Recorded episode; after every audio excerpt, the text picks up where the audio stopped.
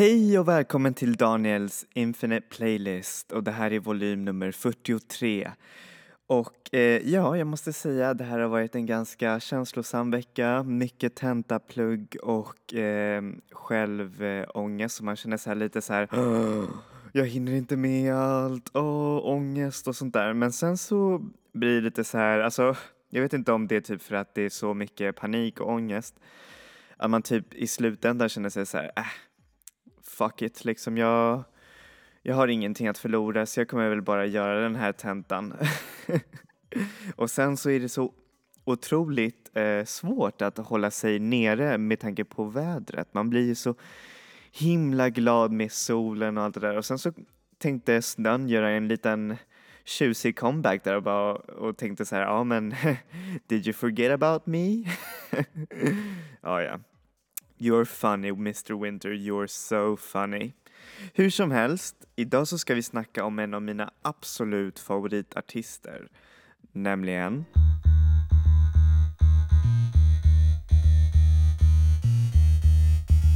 All them mutton sings like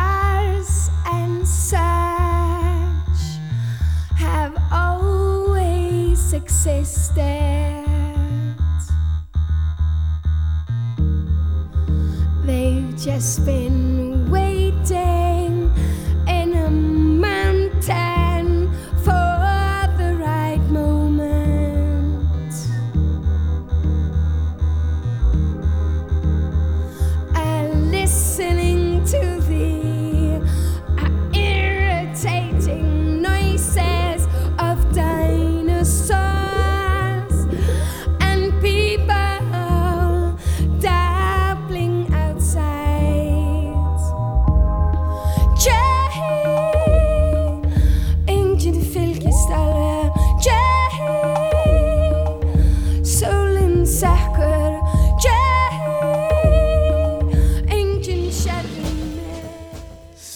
fick ni höra på The Modern Things från Björks andra album Post som kom ut faktiskt samma dag som jag eh, föddes och det ser jag som ett tecken från eh, onämnda krafter där uppe att jag skulle ha ett härligt kärleksförhållande med hennes musik för jag älskar verkligen Björk. Hon är otrolig. Alltså det finns ingen artist som låter som henne idag. Och det är verkligen, ja, nej, jag älskar henne. Men samtidigt så är det också ganska otroligt hur hennes musik också har flugit förbi nästan en hel generation unga människor, i alla fall eh, de i början av alltså 90-talet, alltså 91 år, eh, 90 år och sånt där som eh, verkligen inte ens vet vem hon är. Och det tycker jag är lite underligt. Men samtidigt så förstår jag också lite för Björk började ju ganska eh, tidigt i sin karriär att eh, få bort den här pop eh, pixie person, alltså personligheten som hon hade i början av hennes eh, karriär då hon var en soloartist. Och eh, jag tror att där, därmed när hon började göra lite svårare musik men ändå så hade hon otroligt många lyssnare så liksom flög det förbi en hel generation för en, eh, när jag skulle se henne på en festival i, här i Stockholm, Stockholm Music and Arts Festival som är otroligt bra festival om ni ska gå till någon festival. Så sa jag det till min moster som är 90-talist och en massa andra som jag känner och de bara men oj, men vem är Björk? Och jag bara oj, ja men låt mig berätta. Så va, vem är Björk? Musiker, skådespelerska, modeikon, ehm, aktivist, filantrop, producer, poet. Det är dessa ord som man kan beskriva Björk, eller hennes eh, verkliga isländska namn, Björk Gudmundsdottir, eh, som verkligen gör henne och så mycket mer såklart. För hon har verkligen levt ett så stort liv fullt med eh, konst och eh, kultur och Många känner ju henne från eh, hennes debutperiod men egentligen, alltså i 90-talet, men egentligen så har hon varit med i ett flertal band i Island och bland annat varit eh, med om den första stora isländska hitten som kom ut över hur säger man, över Islands hav, nämligen med bandet The Sugar, Cube, Sugar Cubes och eh, deras låt eh, Birthday. Här får ni höra den.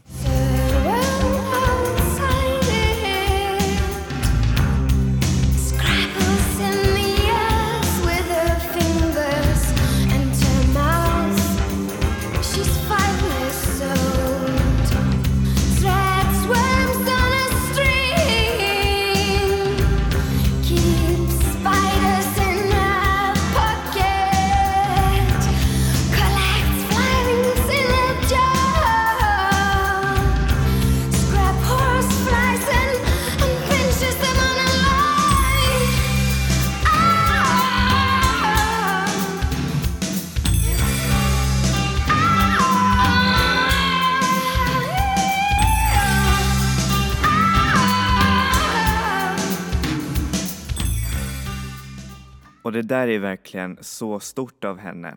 Och eh, som sagt, hennes karriär började också väldigt, väldigt ung när hon eh, som liten gick på faktiskt en av Islands största barnmusikskolor där man får en massa, eh, hur säger man, träning i klassisk musik då hon tränade i piano och eh, flöjt. Och så sjöng hon en absolut gullig cover, alltså i en konsert som faktiskt spelades in vid hennes skola där hon sjöng eh, Tina Charles eh, kända hit eh, I Love To Love. Och här får ni höra den för jag tycker den är så himla söt och man får verkligen höra liksom den talangen.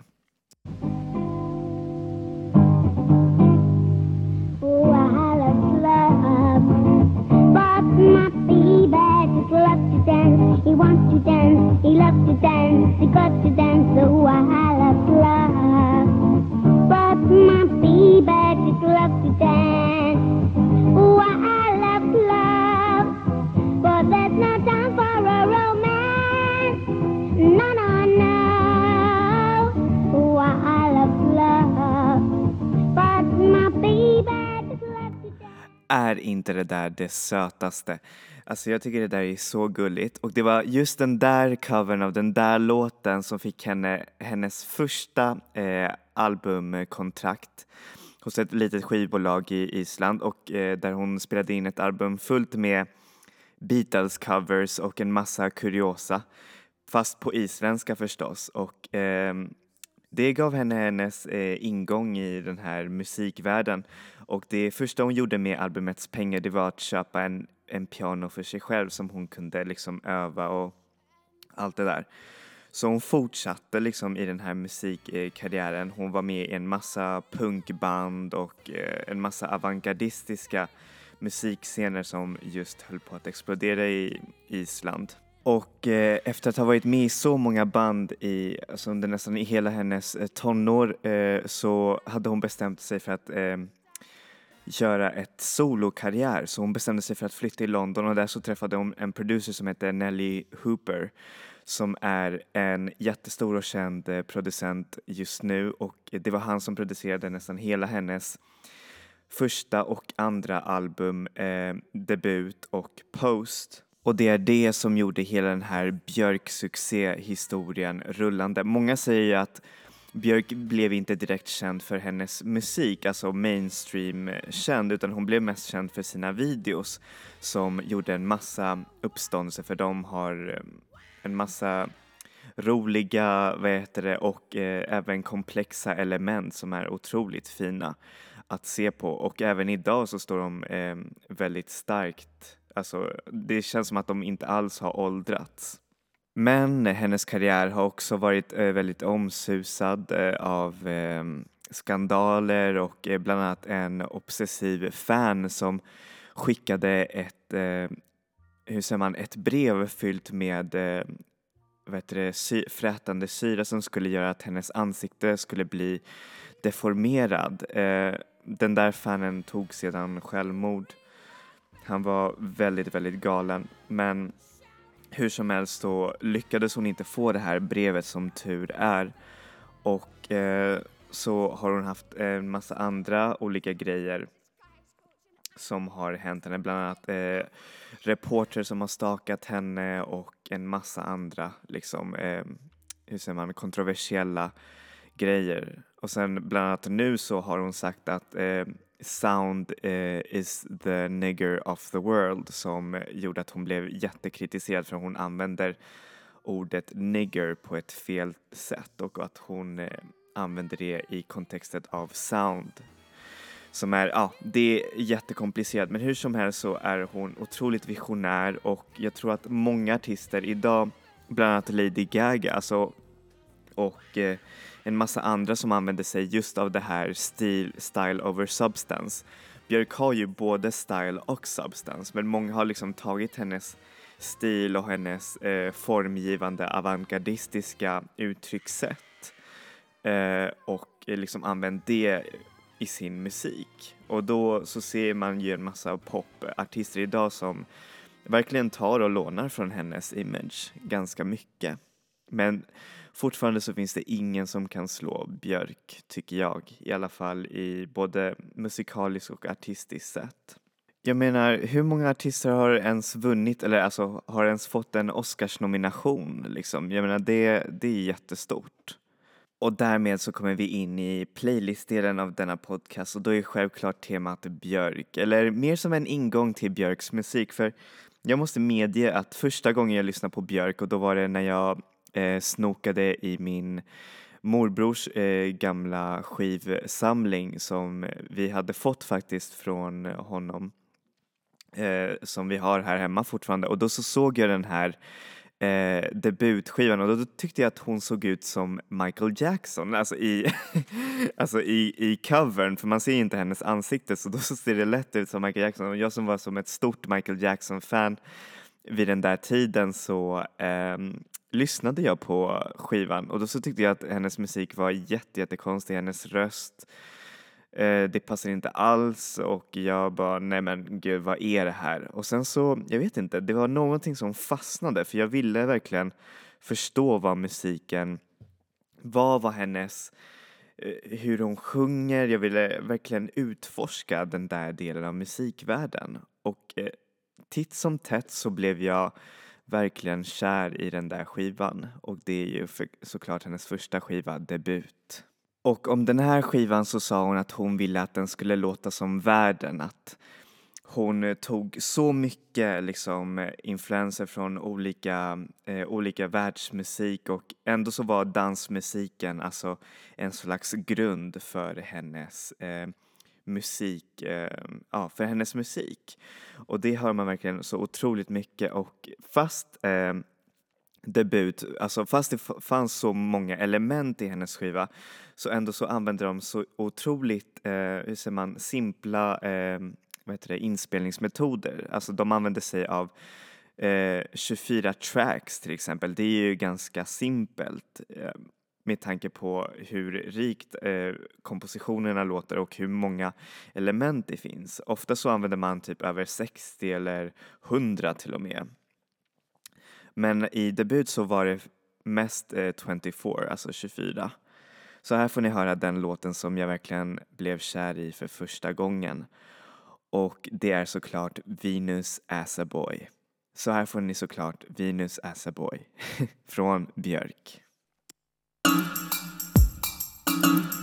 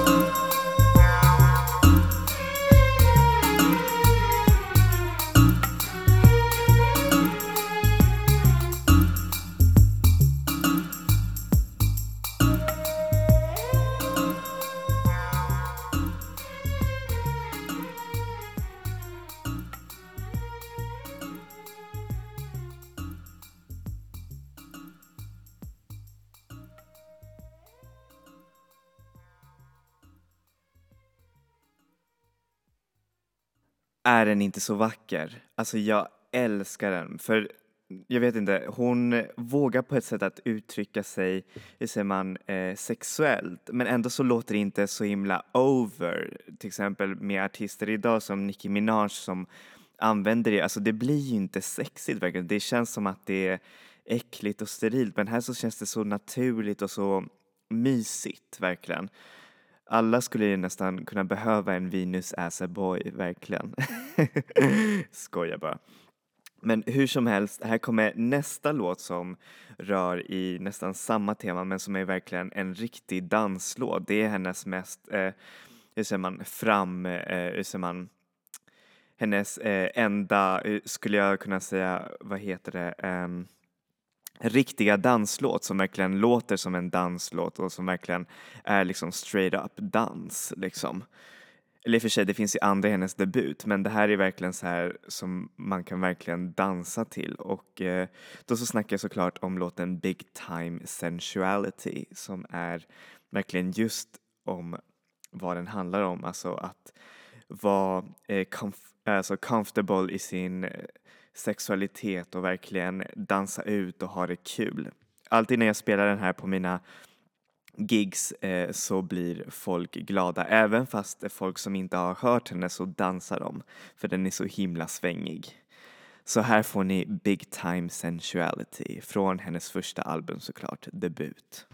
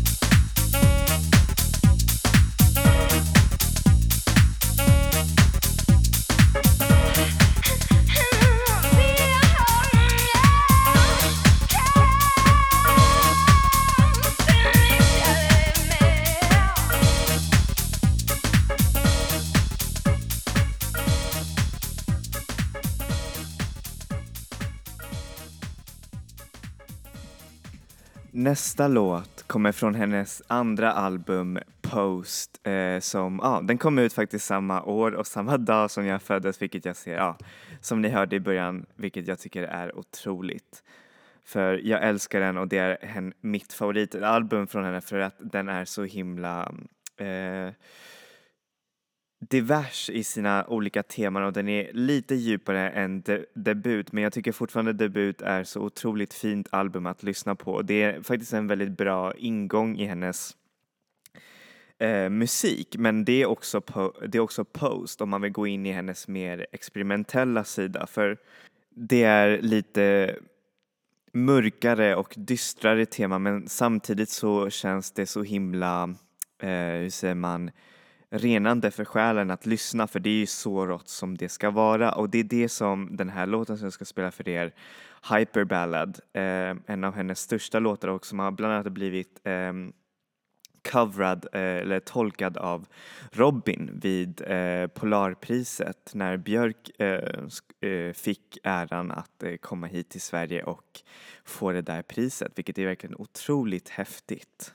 Och den här låten handlar mer om eh, mental ohälsa och att eh, känna att nästan varje dag så är det som en, ehm, hur säger man, en stor eh, battle med sig själv och det är det som är verkligen så stort med den här låten för att den verkligen konfronterar de här ehm, vad heter det, frågorna head on. Så här får ni låten Hyper Ballad från andra albumet Post.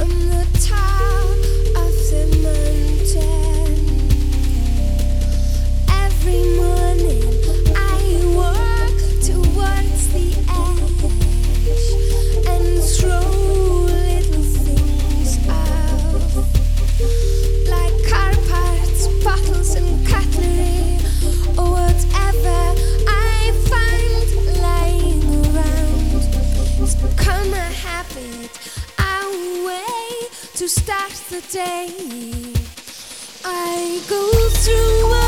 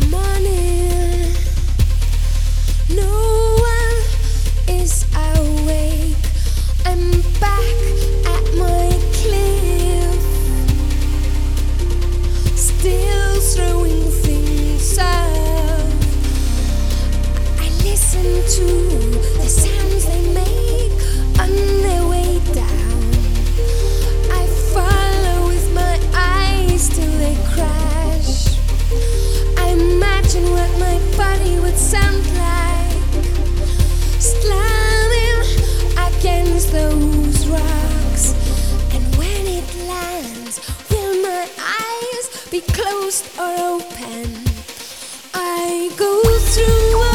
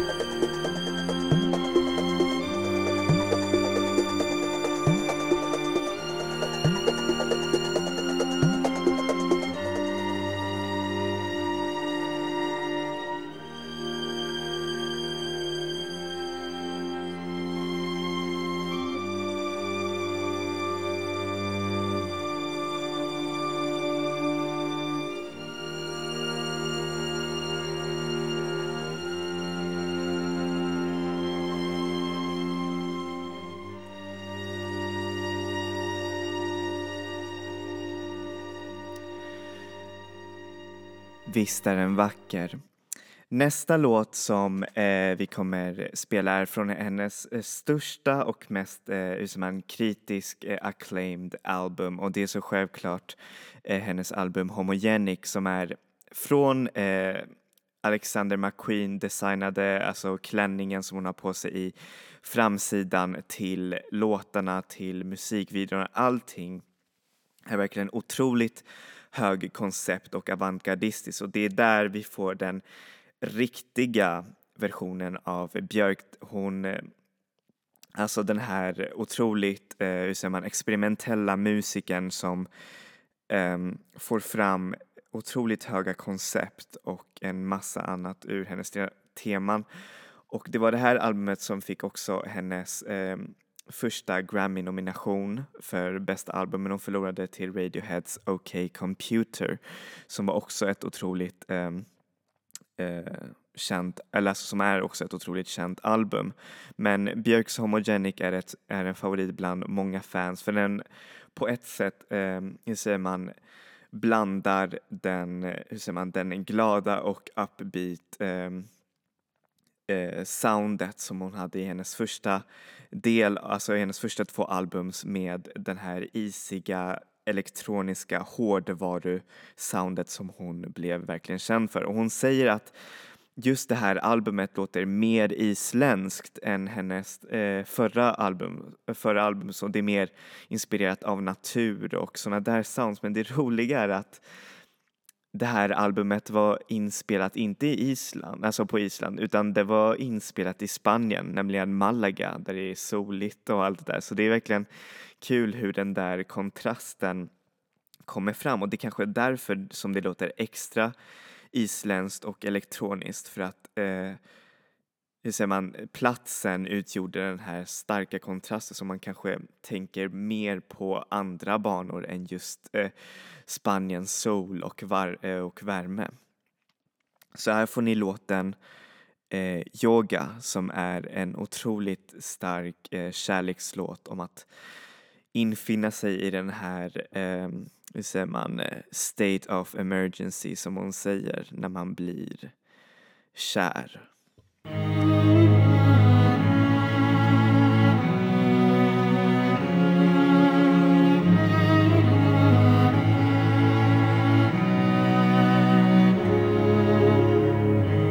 All these accidents that happen follow the dot.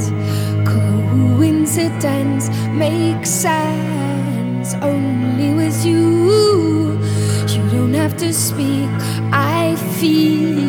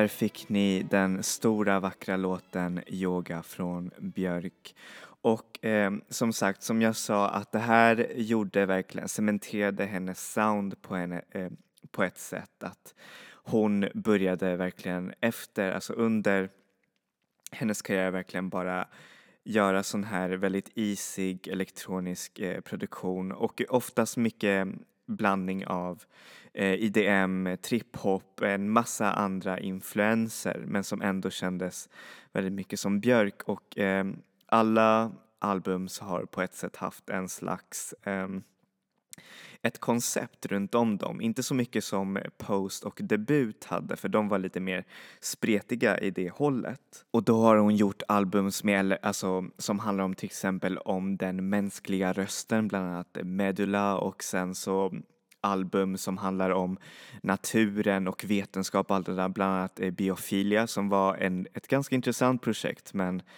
inte riktigt eh, bra i musikhållet även om den hade så här höga och vackra koncept.